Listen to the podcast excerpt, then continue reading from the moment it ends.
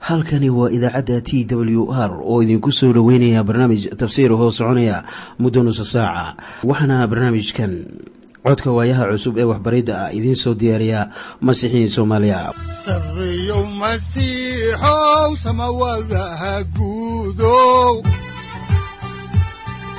Siraadki adduunkow subanaha eebow sareeyow masiixow samawadaha guudow siraadki adduunkow subanaha eebow adigoo samaada jiro ifkan soo saldhiganba adigoo jiro ifkan soo saldhiganba kutubtiisanaaye udanogu saaciiday sharxin sifahaaga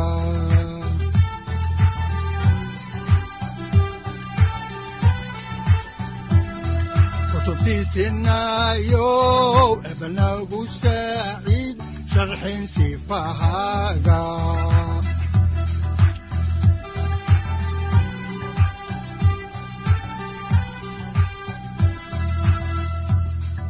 ku soo dhowaada dhegaystayaal barnaamijkeenna dhammaantiinba. Waxaan horay u sii ambaqaadi doonnaa daraasaadkii la magac baxay baibalka dhammaantii. Waxaannu caawa idiin bilaabi doonnaa cutubka toddobaad. Cutubkan toddobaad wuxuu ku bilaabanayaa qoraal saxiix ah oo ku saabsan bogsiinta. Waxaana la dawaynayaa qaaduunkii boqol u taliyaha. Inkastoo ciise aannu la kulmin qaaduunkaas ayaa haddana qaaduunkii uu bogsaday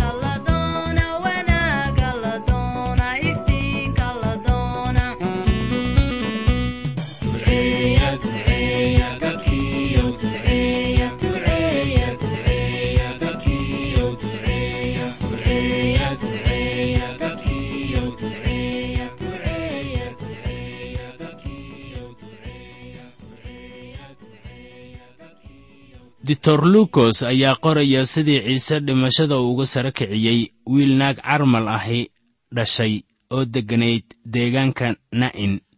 Waa ditor lukos oo keliya kan qoraya in ciise dhimashada ka sara kiciyey laba qofood mid waa wiilka carmalka iyo gabadhii yayros sida ku qoran cutubka siddeedaad aayadaha afar iyo konton ilaa shan iyo konton waxaa kale oo cutubkan ku qoran mid ka mid ah siddeed iyo toban masaal oo ditor lukos oo keliya ah oo qoray. Masaalkaasu wuxuu ku bilaabanayaa ciise oo booqanaya guri uu leeyahay nin farrisi ah. Halkaasna waxaa ugu yimid gabar oo lugihiisa bay cadar ka buuxisay markaasaa ciise wuxuu dadkii halkaasi joogay u sheegay masaalka labadii nin ee deynta lagu lahaa. Wuxuuna masaalkan ku muujinayaa in haweenaydan duurjoogta ah ay ka wanaagsanayd simonkan farrisiga ah. Haddaan markii ugu horraysay idiin bilowno kitaabka oo aan eegno cutubka toddobaad aayadaha kow ilaa toban waxaa qoran sida tan. Goortuu hadalladiisa ku dhammeeyey dadka dhegaysadkooda ayuu kafarna'um galay boqol u taliye addoonkiisii uu jeclaa ayaa bukay oo dhimasho u dhowaa. Goortuu maqlay wax ciise ku saabsan ayuu waayeelladii yuhuudda u diray isaga oo ka baryey inuu yimaado ou addoonkiisa bogsiiyo. Goortay ciise u yimaadeen aad bay u baryeen oy ku yidhaahdeen isagu waa istaahilaa inaad waxaas u yeeshid waayo quruunteennu ayuu jecel yahay oo sunagoog ayuu noo dhisay.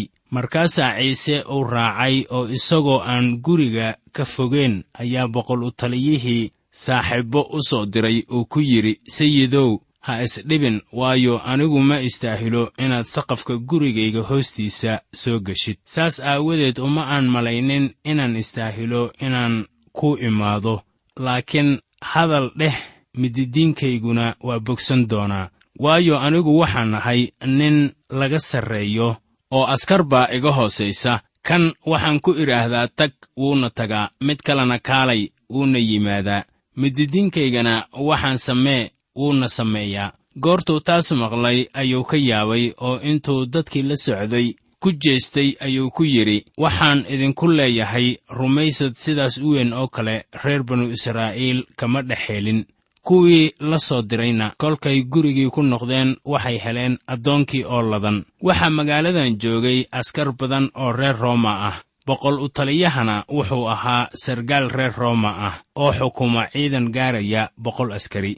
Sida abbaarta ah wuxuu ahaa nin rumaysad leh. Sida uu u jecel yahay dadka yuhuudda ah waxaa caddaynaya sinagogada oo ka sameeyey kafarna'um. Marka la eego jegadiisana wuxuu ahaa taliyo amar leh wuxuu askartiisa ku odhan karay sidan iyo sidaas sameeya.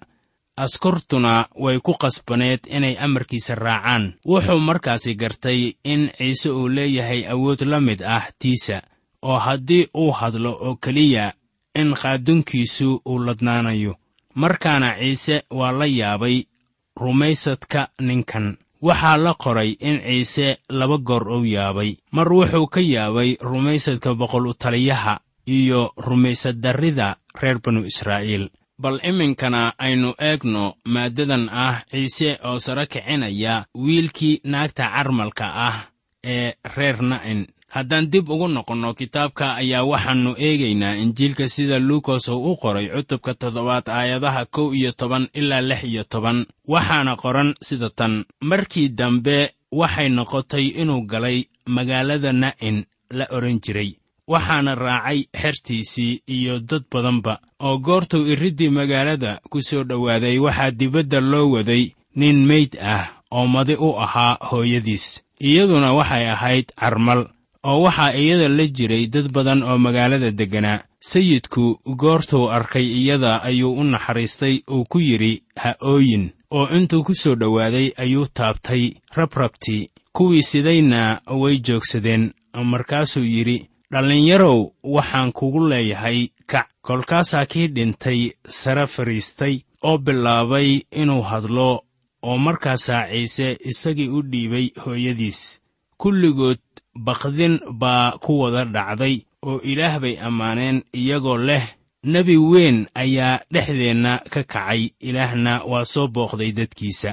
Doctor lukos wuxuu qoray dhacdadan. Waxay ka hadlaysaa dhacdadan naf la soo celiyey amase sida dadka qaarkii ay odhan karayaan nolol la sara kiciyey. Waxyaabaha laga qoray ciise oo dadka dhimashada ka sara kicinaya ayaa la odhan karaa cilmiyan taasu ma ahan sara kicid. Waxaase weeye noloshii uu dib loogu soo celiyey jidhkii hore ee qofka. Waxaa muddo dheer dadku uu aaminsanaa in markii sayidku laazaros dhimashada ka sara kiciyey. In laazaros weyddiiyey sayid ciise inuu mar kale dhimanayo iyo in kale. Sayidkeennu wuxuu u sheegay inuu mar kale dhimanayo.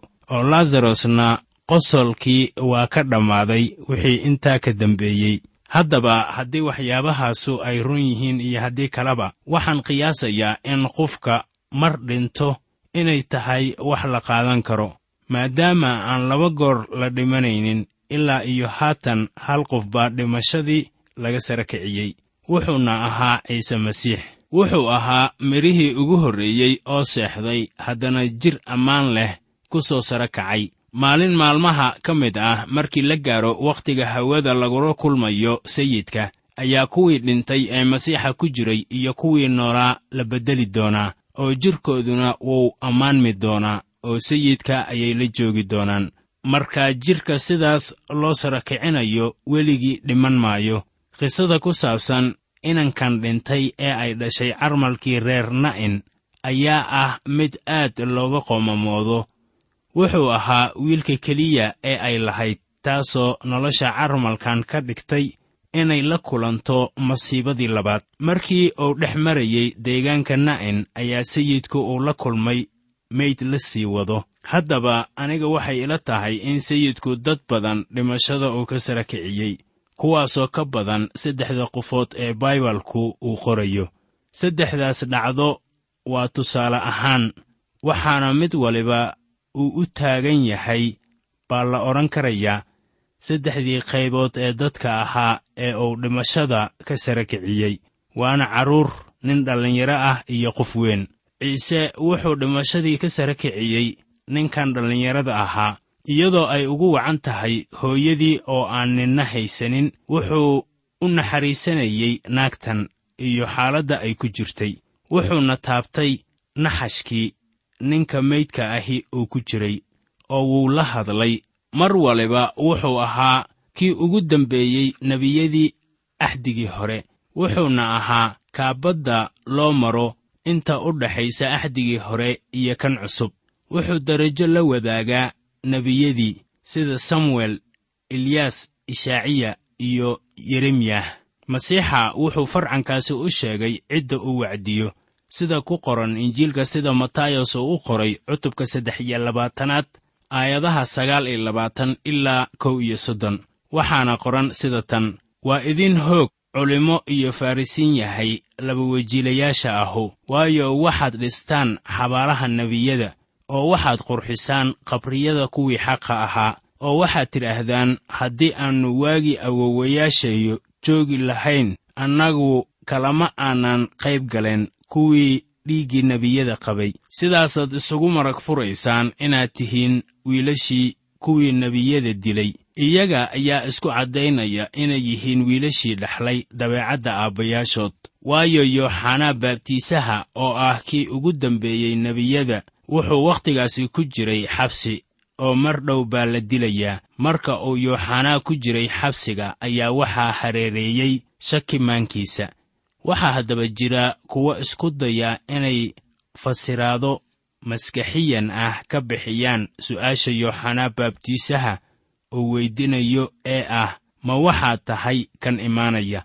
Yooxanaa wuxuu sugayey masiixa oo wuxuu doonayey inuu ogaado in masiixu uu yahay kan keliya. Marka in la isku dayo in maskixiyan looga jawaabo su'aasha ayaa loo arkayaa wax aan habboonayn. Waxay dadka qaarkii odhanayaan xabsi buu ku jiray oo uu niyad jabsanaa oo dadkii baa diiday wuuna caraysnaa haddaba anigu sidaas ma rumaysni laakiin yooxanaa baabtiisaha wuxuu dadka ogeysiiyey boqortooyada. Wuxuuna daleeceeyey qaranka oo dhan. Wuxuu dadka u sheegay imaanshaha boqorka. Wuxuu ahaa mid jidka u xaaraya boqorka. Yooxanaa wuu tilmaamay masiixa oo wuxuu yidhi sida ku qoran injiilka sida luukas uu u qoray cutubka saddexaad aayadaha lix iyo toban ilaa toddoba iyo toban oo leh anigu waxaan idinku baabtiisaa biyo laakiin waxaa imaanaya ku iga itaal weyn kan aanan istaahilin inaan yeelmihii kabihiisa furo. Isagu wuxuu idinku baabtiisi doonaa ruuxa quduuska ah iyo dab. Masaftiisu gacantiisay ku jirtaa inuu goobtiisa wax lagu tumo aad u sifeeyo oo sarreenkana maqaasiinkiisa ku soo ururiyo. Laakiin buunshaha ayuu dab aan damayn ku gubi doonaa markaad eegto haddaba sida uu u hadlay ayaad garanaysaa in luqaddu ay tahay mid xooggan. Yooxanaa ma uusan malaysanaynin in masiixu uu majaraha u taagayo boqortooyada oo lahaanaysa ammaan iyo awood oo dhan maadaama taasu ayan dhicin. Yooxanaa wuxuu u soo diray qaar ka mid ah xertiisa masiixa. Si bal haddaa ay u weyddiiyaan inuu yahay masiixa amase in mid kale uu imaanayo. Haddaba waxaad ogaataa sidii wacnayd ee uu u qaabilay farriin wadayaashii. Haddaan horay u sii wadno xigashada kitaabka ayaannu haatanna eegaynaa injiilka sida luukas uu u qoray cutubka toddobaad aayadaha kow iyo labaatan ilaa saddex iyo labaatan. Waxaana qoran sida tan saacaddaas qudheeda ayuu dad badan ka bogsiiyey bukaankooda iyo cudurradooda iyo jinniyadooda sharka leh. Indhoolayaal badanna wuxuu ugu roonaaday inay wax arkaan markaasaa ciise uu u jawaabay oo ku yidhi taga oo yooxanaa uga warrama waxaad aragteen iyo waxaad maqasheen. Kuwii indhaha la'aa wax bay arkaan kuwii lugaha la'aana way socdaan. Kuwii baraska qabayna waa la nadiifiyey kuwii dhagaha la'aana wax bay maqlaan kuwii dhintayna waa la sara kiciyey. Masaakiintana injiilka waa lagu wacdiyaa oo waxaana barakadaysan kan aan iga xumaanin.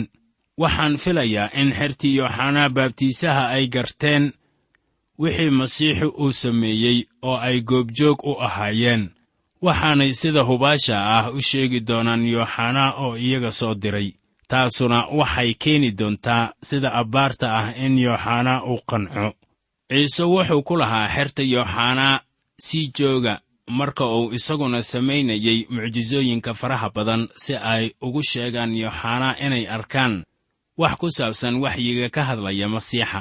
Ishaaciyah cutubka shan iyo soddonaad aayadaha shan ilaa lix ayaa sii sheegaya imaanshaha koowaad ee masiixa waxaana qoran qayb ahaan oo markaasaa kuwa indhahala indhahoodu furmi doonaan oo kuwa dhegahala dhegahooda furka laga bixin doonaa.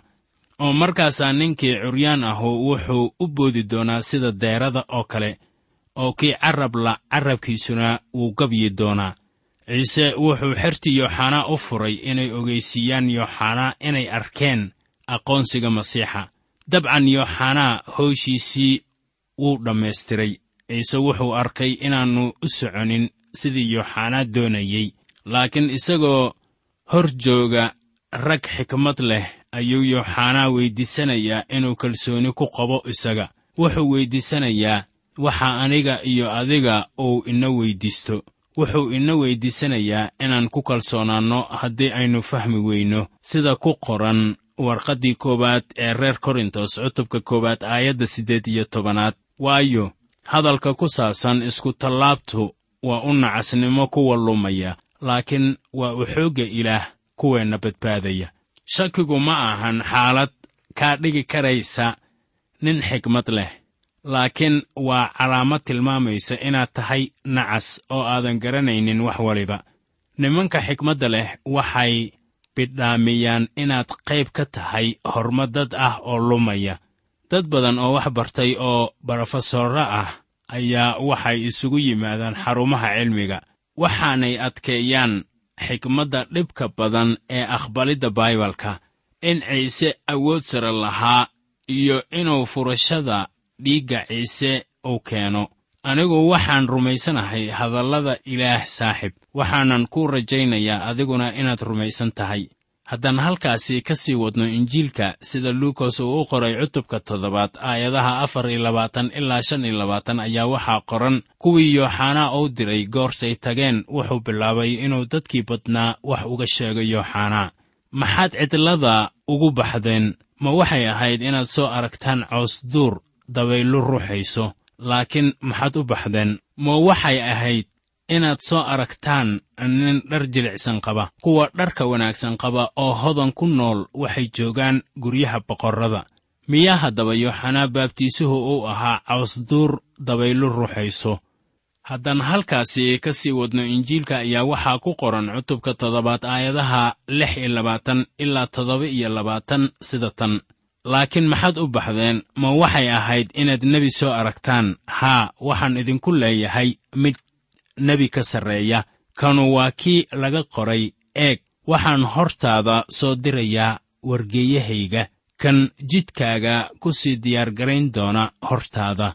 Haddaba qidcadan ugu dambaysa waxaa laga soo xigtay kitaabkii malaakii cutubka saddexaad aayadda koowaad.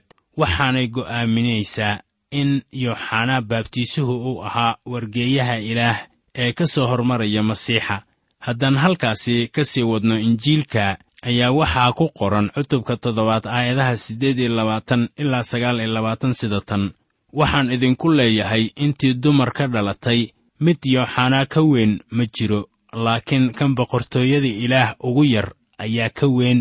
Dadkii maqlay oo dhan iyo canshuurqaadayaashiiba waxay caddeeyeen inuu ilaah yahay xaq iyagoo ah kuwa lagu baabtiisay baabtiiskii yooxanaa haddaba waa ammaan sare in ciise sidaas uu ku yidhaahdo yooxanaa baabtiisaha haddaan halkaasi ka sii wadno injiilka sida luukas uu u qoray cutubka toddobaad aayadaha soddon ilaa laba iyo soddon ayaa waxaa qoran sida tan.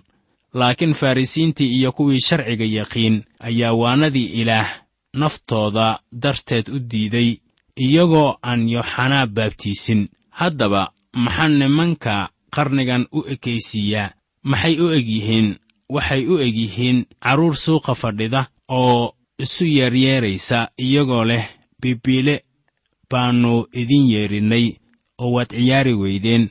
Waannu baroorannay oo waad ooyi weydeen. Marka dhanka kale laga eego ciise wuxuu lahaa farrisiinta waa sida ciyaal oo kale. Haddaba dad badan ayaa sidaas oo kale ah. Waxaan ahaa wacdiye sannado badan oo wakhtiga badankiisa waxaan ku mashquulsanaa inaan ku quudiyo nafaqada ruuxa kuwa aan xagga ruuxa ka korin. Markaana nimanka farrisiinta la yidhaahdo waxay ahaayeen niman aan ka korin xagga ruuxa wakhtigii sayid ciise masiix. Sayidku wuxuu leeyahay waxay la mid ahaayeen sida carruur suuqa joogta oo leh waxaannu ku daalnay inaan ku heesno heesaha aroosyada. Haatanna aynu isku dayayno inaan heesno heesaha marka dadku ay dhintaan oo la qaadayo. Haddaba ma doonayaan inay heesahaas qaadaan waayo waa kuwo qoomamo leh. Sayidkeennu wuxuu lahaa ilmaha kan waxay la mid ahaayeen culimmadii diinta ee wakhtigiisa. Waxaan markaa la yaabanahay intaasu lagu sifayn karayo kiniisadaha maanta. Haddaan halkaasi ka sii wadno ayaannu eegaynaa injiilka sida luukas uu u qoray cutubka toddobaad aayadaha saddex iyo soddon ilaa shan iyo soddon. Waxaana qoran sida tan. Waayo yooxanaa baabtiisaha waa yimid isagoo aan kibis cunaynin oo aan qamri cabaynin. Waxaadna tidhaahdaan jinni buu qabaa. Wiilka aadanuhu waa yimid isagoo wax cunaya oo cabaya. Waxaadna tidhaahdaan eeg waa nin cer weyn oo khamriyo cab ah oo saaxiib la ah canshuurqaadayaal iyo dembiilayaal xikmaddu inay xaq tahay waa laga caddeeyey xaggii carruurteeda oo dhan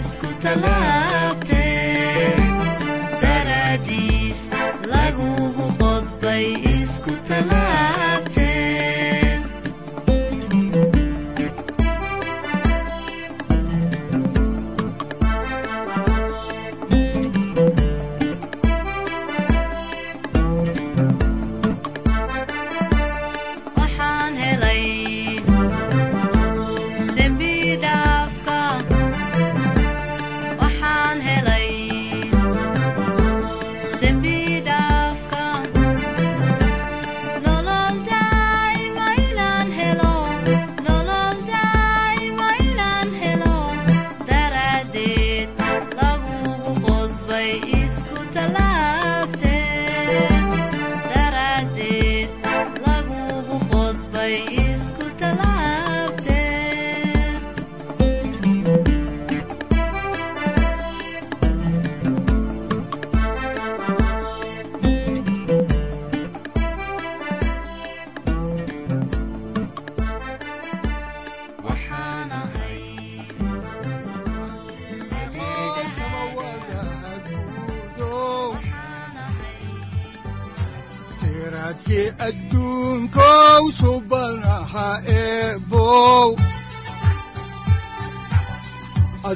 adigoo samada jiro ifkan soo saldhiganba adigoo samada jiro ifkan soo saldhiganba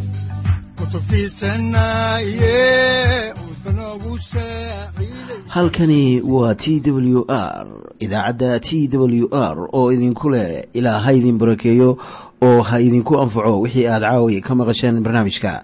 Waxaa barnaamijkan oo kalea aad ka maqli doontaan habeen dambe.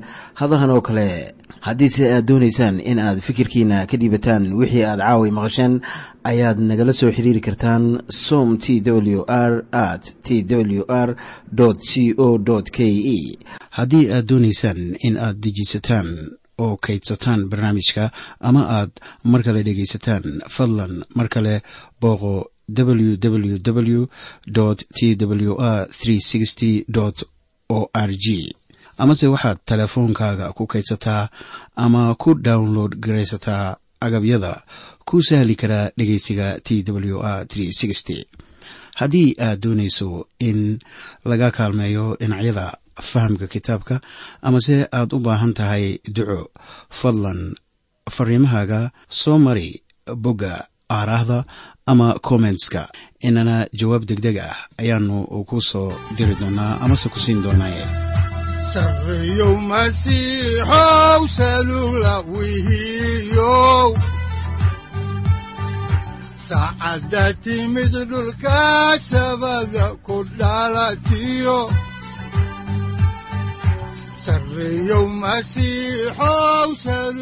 halkani waa t w r oo idiin rajaynaya habeen baraare iyo barwaaqaba leh inta aynu ka gaari doono wakhti aynu ku kulanno barnaamij la mida kan caawayay aad maqasheen. Waxa aan idinku leeyahay nabadda ciise masiix ha idinku badato xagga jidhka iyo ruuxaba. Aamiin